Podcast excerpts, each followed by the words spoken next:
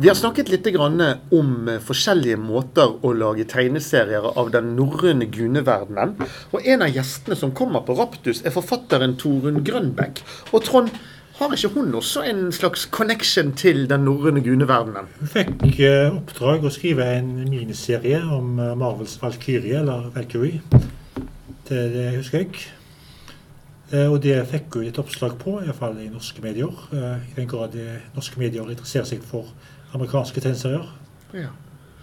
Jeg må jo innrømme at jeg har lest veldig veldig lite Marvel-tegneserier de siste årene. Og så akkurat det med Torunn Grønbæk sine tegneserier for Marvel, det har jeg dessverre ikke fått med meg. Har du, Arild? Jeg er i samme båt som deg. Eh, jeg leser ikke Marvel. Jeg syns det er så kaotisk. Og i min gamle hjerne så er jeg så begynt å bli så innskumpa at han fatter ikke, fatter ikke dette lenger. Så, så uh, dropper jeg bare Marvel. Og jeg har egentlig droppa veldig mye DC òg. Men jeg har fått med meg dette navnet Torunn Grønbekk, og jeg syns det er utrolig tøft at en, nor en norsk person skriver manus. Og når da, og må det kvinne eller mann, det spiller, spiller, ingen rolle. Men at en norsk person skriver, skriver manus for Marvel, er bare kjempetøft. Hvordan Tore Grønbekk kom til dette, punktet, er jo ganske enkelt. Det er, det er, en historie som jeg kjenner igjen fra mange, veldig mange uh, stands på festivaler. Hun begynte å skrive noen manus til enkle, kortere historier. Krim, litt konspirasjon, litt action. Eh, og så begynte hun å kontakte folk på nettet og spør, spurte vil du være med på å lage den serien. Så, sånn, sånn kom vi i kontakt med både forskjellige tegnere, tusjere og tekstere. Fargeleggere, alt mulig. Så har hun bare rekruttert medarbeidere over hele verden og fått gitt ut småting på, på indie-forlag. Sånn har hun blitt uh, kom til den posisjonen der hun er nå. Arild, visste dere at jeg har jobbet på Marvel Comics? Nei. Nei. Uten lønn. Og dessverre egentlig uten referanse heller. Mm. Men uh, vi kjenner jo alle uh, Gail Simon, ja. som var på Raptus og var en fantastisk gjest i 2013. På den kvinnefestivalen vi hadde da. Jeg ble gode venner med henne da og har kommunisert med henne senere. Ikke sånn at jeg driver og plager eller stolker henne, men av og til så prater vi sammen og, og, deler, en liten, og deler små opplysninger og sånne ting. Hun spør alltid hvor det går i Norge og sånne ting. Og så kom det plutselig et brev for to år siden om at hun trengte opplysninger. Hun holdt på med en serie for Marvel, om det var X-Faktor eller jeg vet ikke hva det var. Det, var denne. det, er, det er visst en eller annen helt som Rob Liefeld har skapt, som heter Domino. -hmm. Og jeg aner ikke hvem det er engang, men det er en eller annen svart flekk rundt øynene. Ja. Og hun, skulle, hun ville sende henne til Norge for å sende henne til det mest eksotiske landet hun visste. Men hun trengte mer informasjon om Norge. Hvor skulle hun sende henne i Norge, og eh, hvem skulle hun møte? Og da gikk jeg eh, rett inn i eh, Kittelsen-mytologien og ga henne adresse oppe i Finnskogane og så gikk jeg inn på det norske kartet mitt, og så fant jeg ut en plass der oppe som kunne passe veldig godt. Med skoger og koier og trollske huldre og troll og slike ting. Og så ga jeg henne alt dette her og sa at dette her er en god plass for Domino, hvem det nå måtte være. Og gjøre greiene sine, hva nå det måtte være. Ikke noe mer enn det. Og det var hun veldig glad for. Mm. Og det har jeg gjort. Spennende. Mm. En annen gjest på årets Raptus det er Therese G. Eide. Og hun er jo helt aktuell med en helt ny bok, som jeg ennå ikke har sett ennå. Eh, som handler om eh, koronatiden. Jeg tror den heter 'Koronadagbøkene'. Mm. Jeg leste jo koronadagbøkene før de ble samla, Fordi at hun begynte Hun kom ganske raskt i gang med å lage små, sånne små tegninger på Facebook. Der hun beretter om sine egne erfaringer med tre hjemmeværende barn Eh, og mann med hjemmekontor. Og hvordan folk takler den nye hverdagen. Hvor nervøse folk er. Hvor paranoide folk er. Satt litt, satt litt på spissen. Eh, og det, var, det, har vært riktig så fornøyelig og ofte ganske hjertevarmt. Og det var en veldig stor trøst, tror jeg, for mange å lese, å lese disse små tegningene sånn tre-fire tre, ganger i uka. Mm. Jeg har jo sett noen ut av de, men jeg har ikke sett boken ennå. Og jeg må jo si at jeg er imponert over hvor flink hun er til å treffe hjerteroten til folk. Hun har en fantastisk måte å rett og slett skildre et eller annet som handler om følelser som går igjen, i hvert fall hos meg. Det er jo interessant at eh, koronadagbøkene kommer ut omtrent samtidig som en av Norges aller største forfattere med suksess for tiden. Maja Lunde har kommet ut med en dagbok fra koronatiden som har fått null på skalaen. Og de sa det at hvis terningen kunne ha minus, så ville han ha fått gått inn der. Og en bok som aldri ville blitt utgitt, bortsett fra at eh, forfatteren heter Maja Lunde. Totalt meningsløs, totalt uinteressant. Bare babbel omkring eh, hennes eh, tilstedeværelse i denne koronatiden. Mens det som du sier, Trond, det er at dette her er hjertevarmt og nært og mye, mye bedre. Så eh, sånn var nå det. var det min lille kommentar. To ja. kvinner, to dagbøker. Litt interessant er det jo at det kommer jo en samlebok til med Therese Geid i høst en gang. Ja, det, var det som var planlagt uh, lenge før koronaepidemien, vil jeg tro. Eh, det, det er bare den årlige stripesamlingen som flere og flere serietegnere får. Eh, som flere, som flere og flere serietegnere er nesten garantert å få hvert år nå. Mm. Men eh, jeg ser jo også at eh, hun får julehefte i år. Det tror jeg ikke har vært eh, publisert ut ennå, men hun skal få julehefte fra Egmont. Det var det jeg eh, fikk et hint om, ja fra litt år sine hjemmesider. Ja, det er riktig. Og Hva tenker dere om at en serieskaper som hadde hatt en pause fra det å lage tegneserier, plutselig er såpass i vinden at hun får flere bøker på et år? Til og med eget julehefte? Jo, Temaet treffer folk. altså Nå vet, du, nå vet hun hvordan det er å være ja. og Hun har plutselig fått en stor familie. Eh, mer eller mindre plutselig. Det gikk, eh, det, hun fikk tre barn på 18 måneder. Og hun treffer eh, publikum på en helt annen måte enn hun gjorde til å begynne med, med Var det Victoria den serien heter? Det var jo liksom den klassiske småbarnshistorieserien ja. som har vært gjort før. Bedre og dårligere av veldig mange serieskapere. Men mm. her kom hun plutselig med sin egen, helt egen genuin historie. Og den traff tidsånden så perfekt at det går ikke an å si det bedre. Så hun er plutselig blitt major star i Norge. Og det er bra å være en plass å være major star. Ja, absolutt. Hun har, eh, så hun har fortjent den oppmerksomheten ja. som eh, nå er, nå er henne til del. Ja. For med veldig enkle streker og veldig enkle, men også veldig, veldig, også veldig fyndige poeng.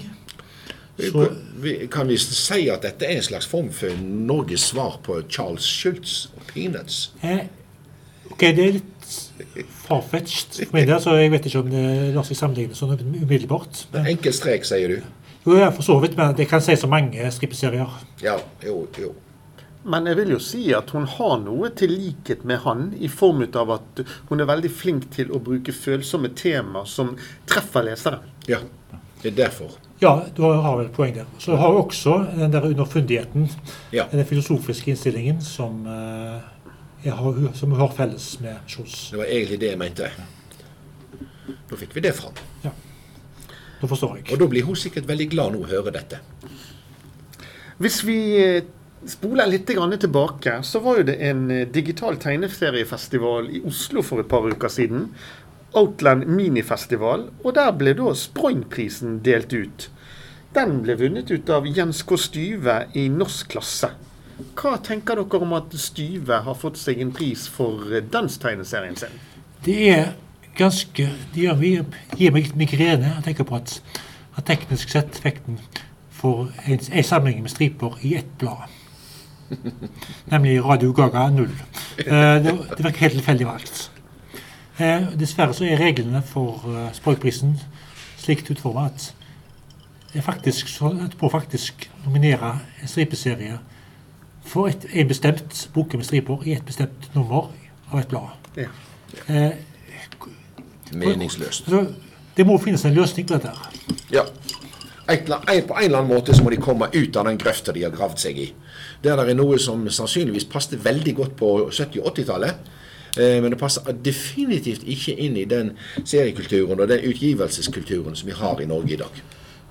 Var det virkelig sånn, som før at eh, Sprøyng-vinnere ble nominert for altså, Sprøyng-vinnere som lager stripeserier, ble nominert for det de hadde laget for et bestemt blad.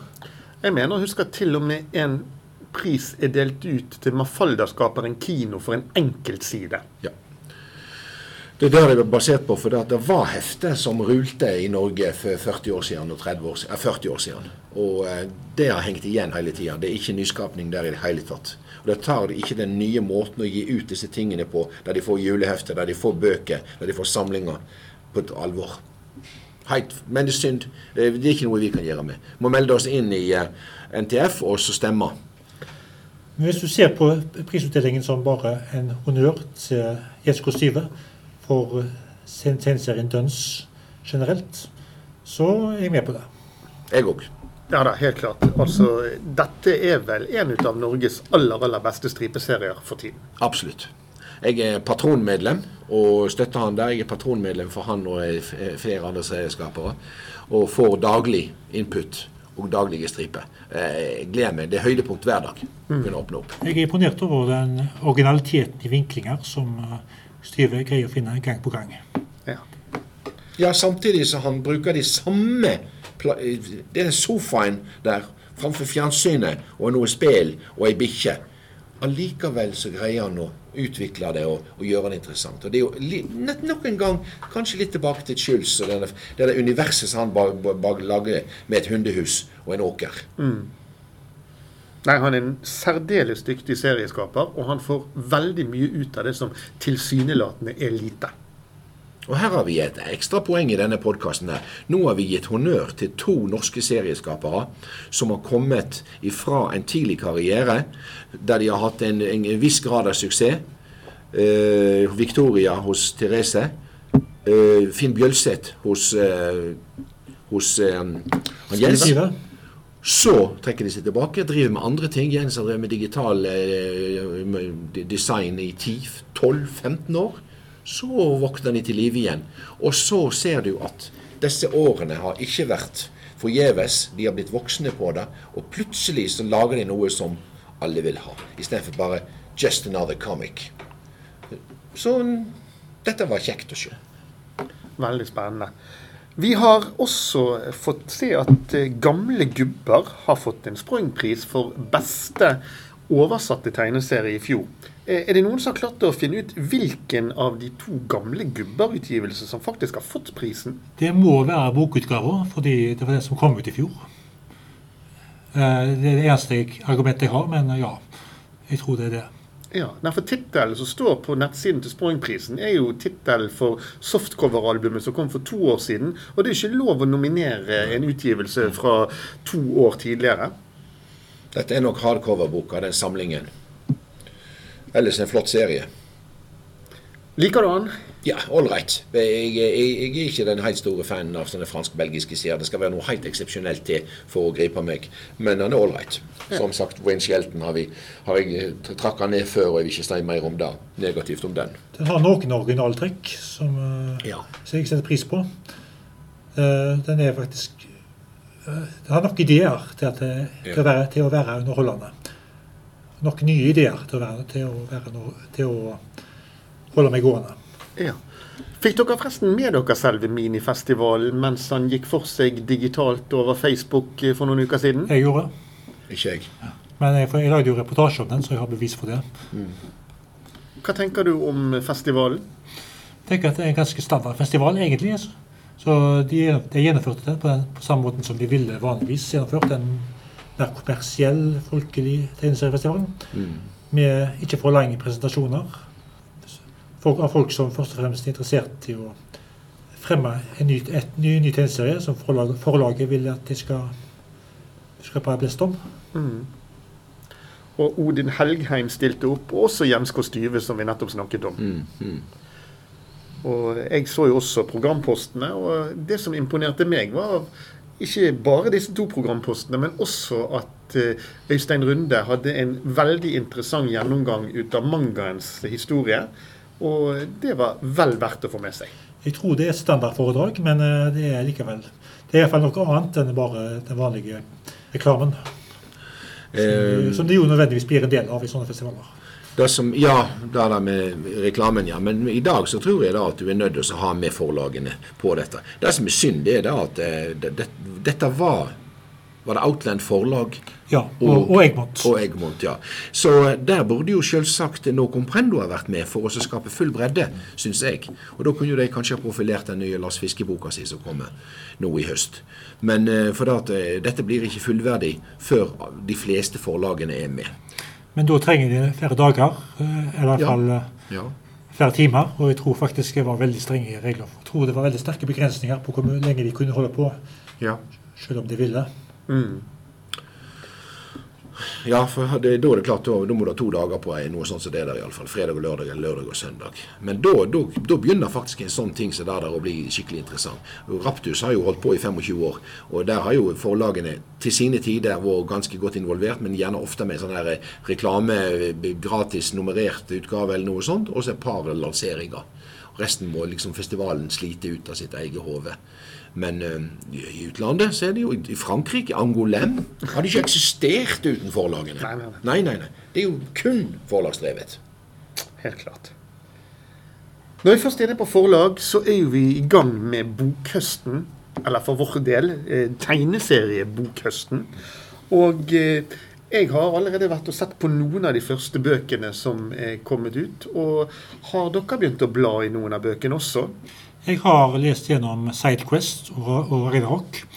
Det er de som jeg har fokusert på, skulle, på å vurdere og analysere uh, denne uka. Og, og, jeg skal jo snart poste en anmeldelse av uh, Sidequest også. Ragnarok har jeg allerede omtalt. Heter ikke denne boka Sidequest? Det er jo en norsk bok? Ja, spør ikke meg. Altså, det høres ut som en engelsk tittel. Ja, det midlertidige brorskapet under tittelen. Ja. Så jeg, jeg, har alltid kalt dette for Sidequest. At det er noe som skjer på sida. Ja, men jeg tenker sånn at uh, så for, altså, rollespill, altså Folk som liker rollespill, de bruker mye engelske uttrykk. Ja, så. Ja. Ja, jeg tror det er et faguttrykk fra rollespillverdenen, men jeg har ikke drevet på med sånn på årevis, så jeg kjenner ikke begrepet. Ja, Nå snakker du om rollespill, ja. Det er ikke dataspill eller sånn? Nei, nei. Jeg tenker, jeg tenker rollespill når jeg hører Dungeons and Dragons. Ja. 25 år siden jeg var borti det. Jeg har lest uh, Frode Øverli sin nyeste Pondus-samling. Og eh, jeg må jo si at der er egentlig alt som det pleier å være. Det er ja. en utmerket uh, samling som viser at uh, tegneserien til tider får litt for mye pepper for å visstnok bare gå i det vante gamle. Ja, det gjør han innimellom, men jeg syns Øverli faktisk har en del gode poenger.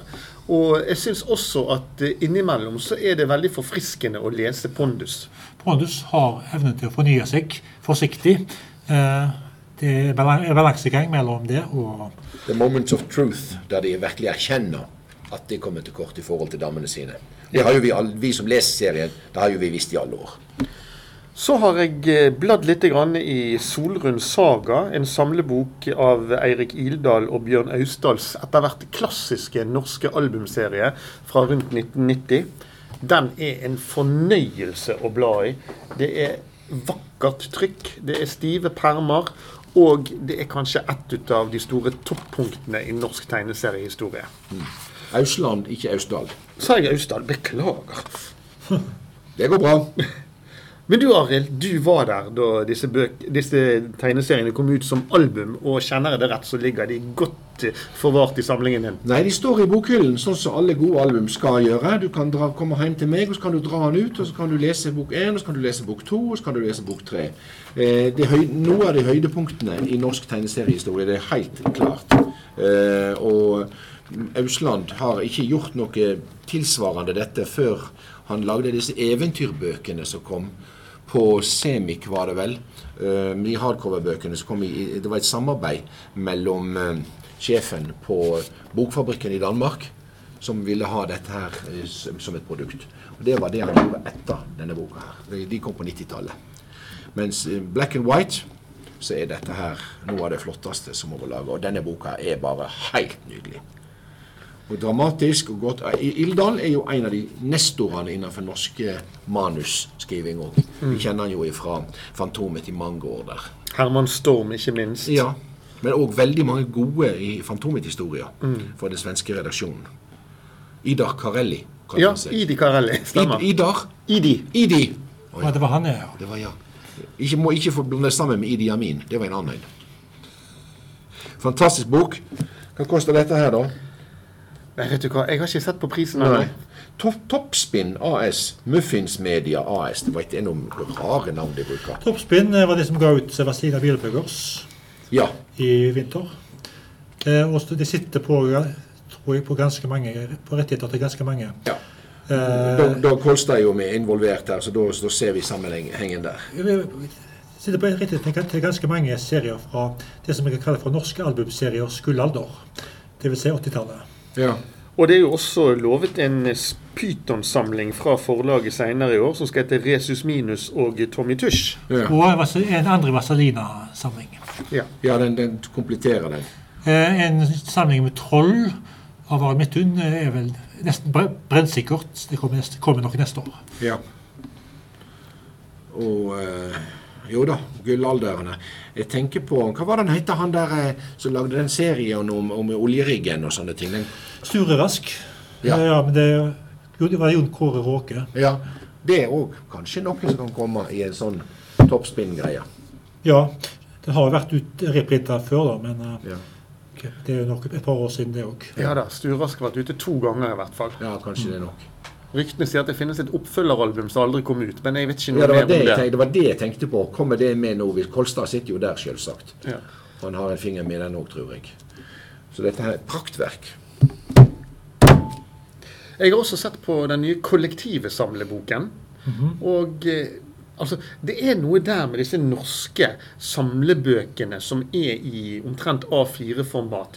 De har egentlig akkurat den samme malen fra gang til gang. Mm. Ja. Eh, det som gjør Torbjørn Lien sin kollektive bok litt annerledes enn mange av de andre, det er at eh, Torbjørn Lien får lov til å kommentere et utall av stripene sine sjøl, mens f.eks. Eh, Frode Øverli sine striper i stor grad er ukommentert inni boken. Og hvis det er kommentarer, så har det vært andre enn Øverli sjøl som har kommet med det. Jeg lurer på om det er bare sånn at kanskje Torbjørn er den eneste som gidder? Ja, jeg har en inntrykk av det. Jeg føler i hvert fall at jeg får noe ekstra av å lese kommentarene hans. Jeg syns han er ærlig og artig eh, når han kommenterer egne tegneserier. Og han er til og med ikke redd for å fortelle at her kommer det noe dårlige greier. Ja, det skal han ha. Altså, han er, gir mye mer av seg sjøl når han kommer kommer med en ny kollektivforsamling. Ja. Han har, jo, han har, jo, alltid markert det der, ikke markert det sjøl, men andre har markert det, at han er en av de få som stiller opp jul etter jul, år etter år, med egne nyprodukter. Og Han er stolt av det, og han syns det er veldig trist at han ikke av og til ikke har tid til å skrive et helt album til jul. Ja. Eller han har til og med bedt om, bedt om unnskyldning for at han bare, fordi han måtte skrive bare ja. nye, men korte historier. Riktig. Istedenfor en lang, som man gjerne ville. En, en ærlig og flott serieskaper. Samme dag som vi sitter og gjør dette her, så fikk jeg den nye boken til Lars Fiske i hånden, 'Mitt liv som tegning'. Jeg må si jeg har litt av den samme følelsen som når jeg ser en veldig god eh, tegneserie på et fremmedspråk jeg ikke kan, der tegningene er veldig veldig interessante. Men jeg har ikke tid til å sette meg inn i det, for jeg får ikke i dette tilfellet tid til å lese tekstene ennå. Men det lover så bra. Det ser så godt ut. Mm. Det er en eh, samling som er basert på skissebok, eller skissebøkene til Lars Fiske. Ja. Der han da har en selvbiografisk fremtoning eh, der han forteller om livet sitt som nettopp tegner. Og eh, ja, jeg, jeg, gleder meg til å få sette meg ned og se på dette her i ro og mak. Og eh, rett og slett få et ordentlig inntrykk ut av det. Ja, det er et stort og flott uh, format. Litt bredere enn vanlig. Litt sånn kunstbok-feeling. Ja, eh, kanskje det er det største formatmessig de største boka jeg har ja. sett fra Lars Fiske. Og du vet, Han har jo gått en god skole. sant? Han er jo, eh, han går, han er jo fra klassen med Steffen Kverneland og Kanon og, eh, og Munch og alt dette her. Og sine egne ting og Schwitter, Kurt Schwitter og sånt. Så det er klart det at eh, dette føyer seg inn i det. Det er helt naturlig for han å holde på slik. Altså Vi snakker om en av de virkelig store serieskaperne fra dette landet her. Og helt fra han holdt på med Matje-tegneseriene, ja. har jeg vært en stor fan av Fiske. Ja. Og uh, Han designet jo uh, logoen til Raptus i sin tid. Og lagde den aller første plakaten med disse her Disney- og Fantomet-figurene som springer ned ved gata. Og logoen til Raptus det er ut ifra hans hånd. Ja, og Jeg har jo mine år bak meg i norsk skole, og jeg syns det er fornøyelig med alle melkekartongene som har hatt eh, hans design også. Ja, ikke bare det, men han hadde vel òg melkekjølerne, de som sto på skolene. Rødt, røde og blå. De var jo så flotte. Ja. Pop-art. Ja. Var tatt vare på dem, vet du. Helt klart. Ja. Så, og det er jo litt artig det at Lars Fiske, en serieskaper som kanskje har påvirket mange med det arbeidet som er mest kjent, men som kanskje han samtidig er minst kjent for. Mm. Ja. Både i tegneserieheftet Pondus og på Serienets Facebook-gruppe har flere ut av høstens tegneserieutgivelser både blitt presentert og blitt diskutert. Trond, er det noe du ser spesielt frem til? Ja, altså Jeg kan begynne med Jenny Jordal sin serie. Eh, ganske enkelt fordi at jeg, syns hun er en god forteller. Ja. god tegner, Og denne gangen så har hun noe nytt. Ville greier. Ja. Jeg, ja, men det, dette er to forskjellige utgivelser. Ville greier det er jo det som går i Aftenposten Junior hver uke. Ja. En samling. Ja, det er noe. Og så har vi denne som 'Hva skjedde egentlig med deg?' som kommer på Cappelen Dam. Ja. Mm. Som jeg tror eh, Jeg vet ikke om han er selvbiografisk, eller om, det er, eh, eller om det er en annen type utgivelse. Jeg tror hun var litt diffus på det. Ok. Men at det handler om kroppspress, det er det ingen tvil om ut ifra de tegningene som er lekket. Det er riktig. og Det er noe som hun har erfaring med og drøfta før. Eh, og det er faktisk Det var hun som lagde så her eh, Hun lagde et fast innslag for lunsj en stund. Der hun harselerte med kroppspresset som blir uttrykt gjennom eh, mm. tabloidoppslag i avisene. Ja. Eh, noe av det var jo det kunne være veldig moralistisk, men det kunne også, kunne også samtidig være hylende morsomt. Mm. Nei, hun er jo en meget dyktig serieskaper. Jeg eh, satte jo veldig pris på Shifi, eller sci-fi, ja, ja, ja, hvordan vi skal uttale for. En fanzine som kom fra Blokk forlag. Den var jo bare herlig. Og det er jo litt morsomt man da kjenner folk som kommer fra Ås. Ja. For eh, det var konkret skrevet i utgivelsen 'Ås er ikke med'. ja, og den kom jo bare som en tilfeldighet. Det var jo det. Det var jo bare som, egentlig som en liten vits. Og, nei, Jenny Jordal hun er, en, hun er, en, skatt, men det er jo mange av de i Norge i dag som er gode. Jeg ser jo her eh, ei som heter Victoria Hamre, som har ei bok som heter Miso. Er det noen av dere som har lest den? Nei. Det var den der skilpadda. Du skulle lage en liten serie. Altså, Boken skulle vært ute nå i forbindelse med Raptus, men siste nytt er at forlaget Yberpress har hatt en forsinkelse hos trykkeriet, så han kommer i slutten av måneden. Mm. Handler om en skilpadde som skulle bli sushikokk eller noe sånt. Det er jo en god idé. Iallfall så lenge de ikke er en skilpadde som skal finne seg sjøl. Og det har vi hørt før. Ja. Men det er i hvert fall en barneutgivelse, har jeg skjønt. uten at ja. Jeg har, jeg vet ikke så mye om denne her, men jeg vet i hvert fall at vi snakker om en dyktig tegner. Ja, Og et bra forlag. Iberpress de har alltid, alltid, mye spennende. De kommer også med en antologi som etter hva jeg har forstått heter 'Troll i ord'. Er det noe dere har hørt noe om? Nei. Ok, en, eh, kjenner bare den, kjenner bare tittelen. Eh, men det som står meg, er at det høres ut som det kan være ganske, bli ganske lik Kittelsens skog. Mm. Så det er mer eventyr, mer sagn. Ja. Jeg, det er et tema som interesserer meg, men eh, det blir brukt veldig mye i norske tegneserier, det òg. Ja. Minst like mye som vikingtida. Jeg er veldig veldig spent på en utgivelse fra Sigbjørn Lilleeng. Jeg ser han stadig vekk legger ut tegninger fra boken som heter 'Inntrenger', som kommer på Ena forlag. Som da selvfølgelig er basert på 'Blindpassasjer'-TV-serien av Bing og Bringsverd. Det skulle være ute i mai, men eh, det skjer jo så mangt. På, I Norge? I dag? Ja. Så greit nok, jeg forstår at det blir forsinkelser. Men det er en bok som knytter seg en viss spenning og interesse til nå. Og det har, jo, har det gjort i flere måneder, tror jeg. Mm. Og han har vært veldig flink å, å gi oss sånne små teasere på nettet. I, I, forhold til mange andre serieskapere som holder tingene tett for brystet, så deler han uh, Lilleeng uh, tankene sine og ideene sine og, og, og, og tegningene. Og det blir jo bare mer og mer spent når du ser disse her eh, figurene.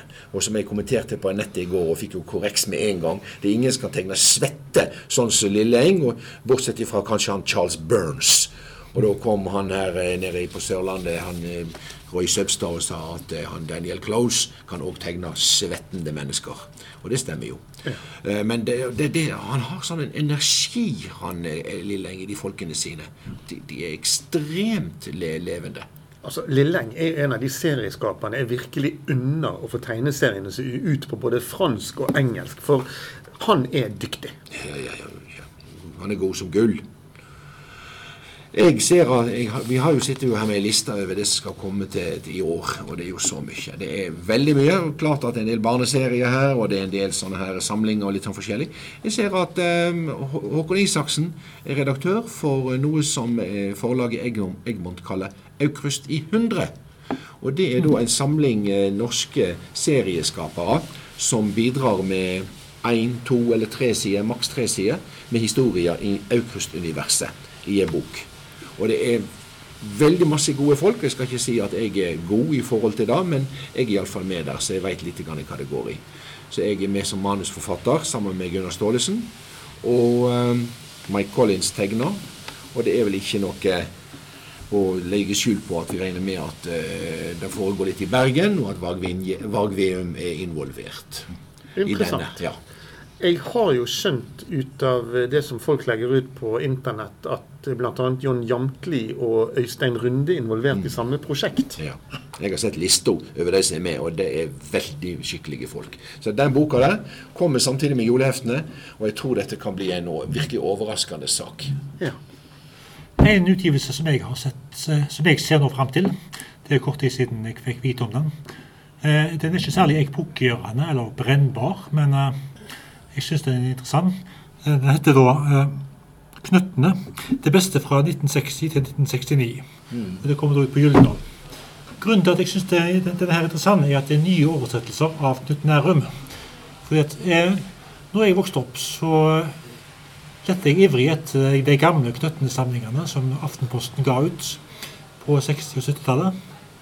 Jeg syns det var veldig fascinerende med hva slags løsninger de brukte i oversettelsen også så ble jeg sjarmert av det der ganske til tider arkaiske riksmålet de brukte. Skrevet til med sjanser med CH. Ja.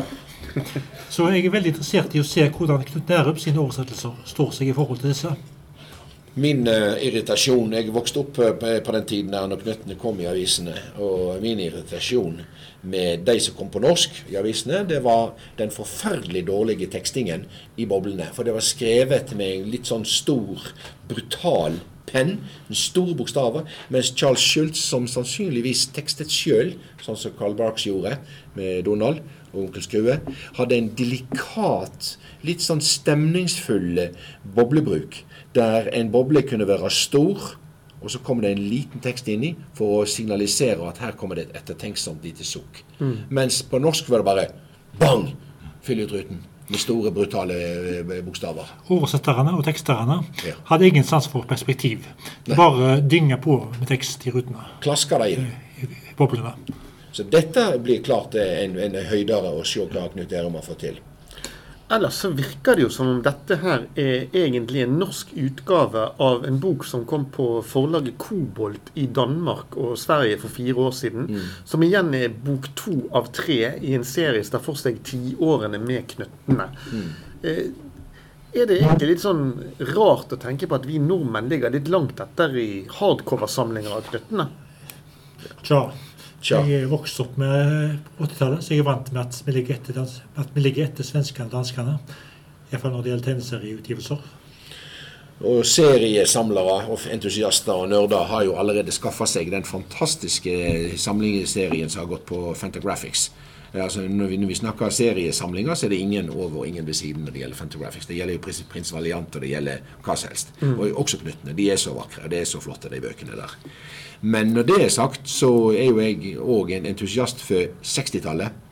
Mm. Jeg er født i 52, så sånn i 63 så begynte jeg å lese Peanuts. Det fikk vi både på engelsk i de små pocketbøkene fra Signet, og ikke minst de, de norske avisene. Så 60-tallet er for meg den perioden som står som en påle i skaperverket til Schultz. Mm. Og ellers er det jo Knøttenes 70-årsjubileum, så en grei anledning. Så grei som noen. Ja. Helt klart. Jeg må jo si at uh, en bok som ikke står på noen av listene, er egentlig ikke en bok i det hele tatt. Det er en fanzine som kommer fra Anja Dale Øverby, som heter Marbakken. Mm. Og Anja er jo en av de som er fabelaktig dyktig til å skildre egen angst i tegneseriene sine. Mm. Hun har valgt å dele med verden sine frustrasjoner og uh, det som er guffent, rett og slett, ved å være seg sjøl. Ehm, jeg har ikke fått lest hele ennå eh, ut av Marbakken. Men det lille, bare åpningen her, den forteller meg at eh, Anja Dale Øverby hun er en stemme å gjøre regning med i norsk seriemiljø lenge, lenge, lenge. Jeg er overraska over at en så flott produksjon som det, for jeg har òg bare bladd i denne nå. Jeg har ikke sett den før at den kommer på privat forlag som fanzine. Dette er jo noe som eh, klart forlag burde kunne utgi og få støtte til. Alt, du, du, du, får jo ikke utgitt en dritt i Norge i dag uh, uten at det er humor, med, uten at du har støtte. Men dette burde ha støtte. Jeg følte kanskje at den ble for personlig. Eh, til liks med den, den, den fanzinen der du fortalte om å ha kreft. Ja, men det det dette er jo noe som betyr noe, istedenfor bare vitser. Mm. Som kommer som blir spydd ut hele tida. Og ikke et vondt ord om lunsj eller pondus, men dette er jo dødspersonlige ting som burde ha fått eh, seriøs støtte. Ja, poenget mitt var at eh, kanskje hun følte det var for personlig. Ja, Men hun går i hvert fall til beinet. Hun skildrer dødsangst. Hun skildrer det å føle at verden er grusom. Og Det gjør hun på en fabelaktig måte. Ja. Og Hun har også valgt å bruke farger denne gangen. her. Det er ikke bare blyantstrek. Det er vakkert og Følsomt. Ja, det ja. gjør et veldig bra inntrykk. Ja. Utrolig personlig. Ja, jeg gleder meg til å sette meg ned og lese hele, men jeg tror det kommer til å bli en tøff opplevelse. Dette er ikke bare bare å lese. Nei. Det så jeg med en gang jeg åpna de første par sidene. Men derfor så tenkte jo jeg da, i mitt naive, lille, gamle hode at, eh, at uh, ungdom og voksne som har problemer, ville hatt god hjelp i å lese dette. For hun setter sånn jævla gode bilder på det som hun formidler. Mm. Marbakken. Ja.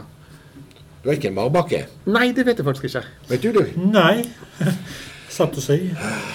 Marbakken det er den delen av stranda, enten ved ei elv eller ved et vann, som hvis, Når du står der og du tenker du skal kanskje hoppe uti og bade, eller du kanskje du vil stå og fiske, og så kjenner du plutselig at pinadø, her står du på råtten grunn. Og så glir du. Og okay. så, ja, så kan alt mulig skje. Men beina glir under deg. Okay, veldig godt valg av tittel, da, egentlig. Fantastisk bra tittel. Jeg trodde dette var et stedsnavn. Nei, nei, nei. Man det norske uttrykk. da. Akkurat overgangen mellom vann og leire, jord, sand, graps. Ja. Mm. Og når du står med bærføttene nedi der, i marbakken, da, da, er du, du i kontakt med naturen.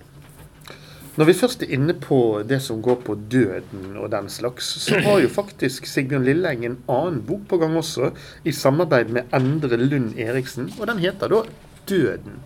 Etter hva jeg har forstått, så er dette en fagbok i tegneserieformat som eh, tar for seg døden på ulike måter.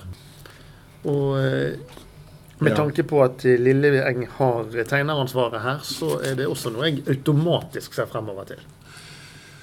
Eh, det er noe her som er ukjent for meg, som går igjen på lista her. Ena forlag. Ena tilhører Viggo Bostad Bjørke. Ja vel. Det var det svaret. For jeg ser at eh, Louis Guaragna, som bor i Norge, men har et eh, definitivt søramerikansk navn, har en bok som heter 'Elastico' på en av forlag. Ja, det er, det er en ungdomsbok. Ja. Og den skrev av Kan du se forfatternavnet? Det var, Michael Stilson. Ja, Han er en kjent fotballspiller som også har vunnet Trollkrittet for beste på barnebok for tidligere. Så han har peiling både på barnelitteratur og på fotball, som er det han kombinere i den boka. Jeg har hørt mye skryt av Louis Guaragna i det siste. Eh, han, jeg har kjent han eh, siden 2010, når han tegnet for den boka som Raptus ga ut i forbindelse med det der eh, som skjedde på Utøya. Ja.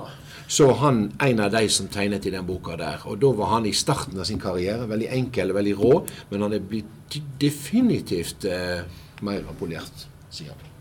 Og han bodde i Norge da òg. Han må være polert hvis han skal lage en ren romantisk fotballungdomsbok. Sleivdal 2. Det finnes ingenting romantisk med Sleivdal, men Nei.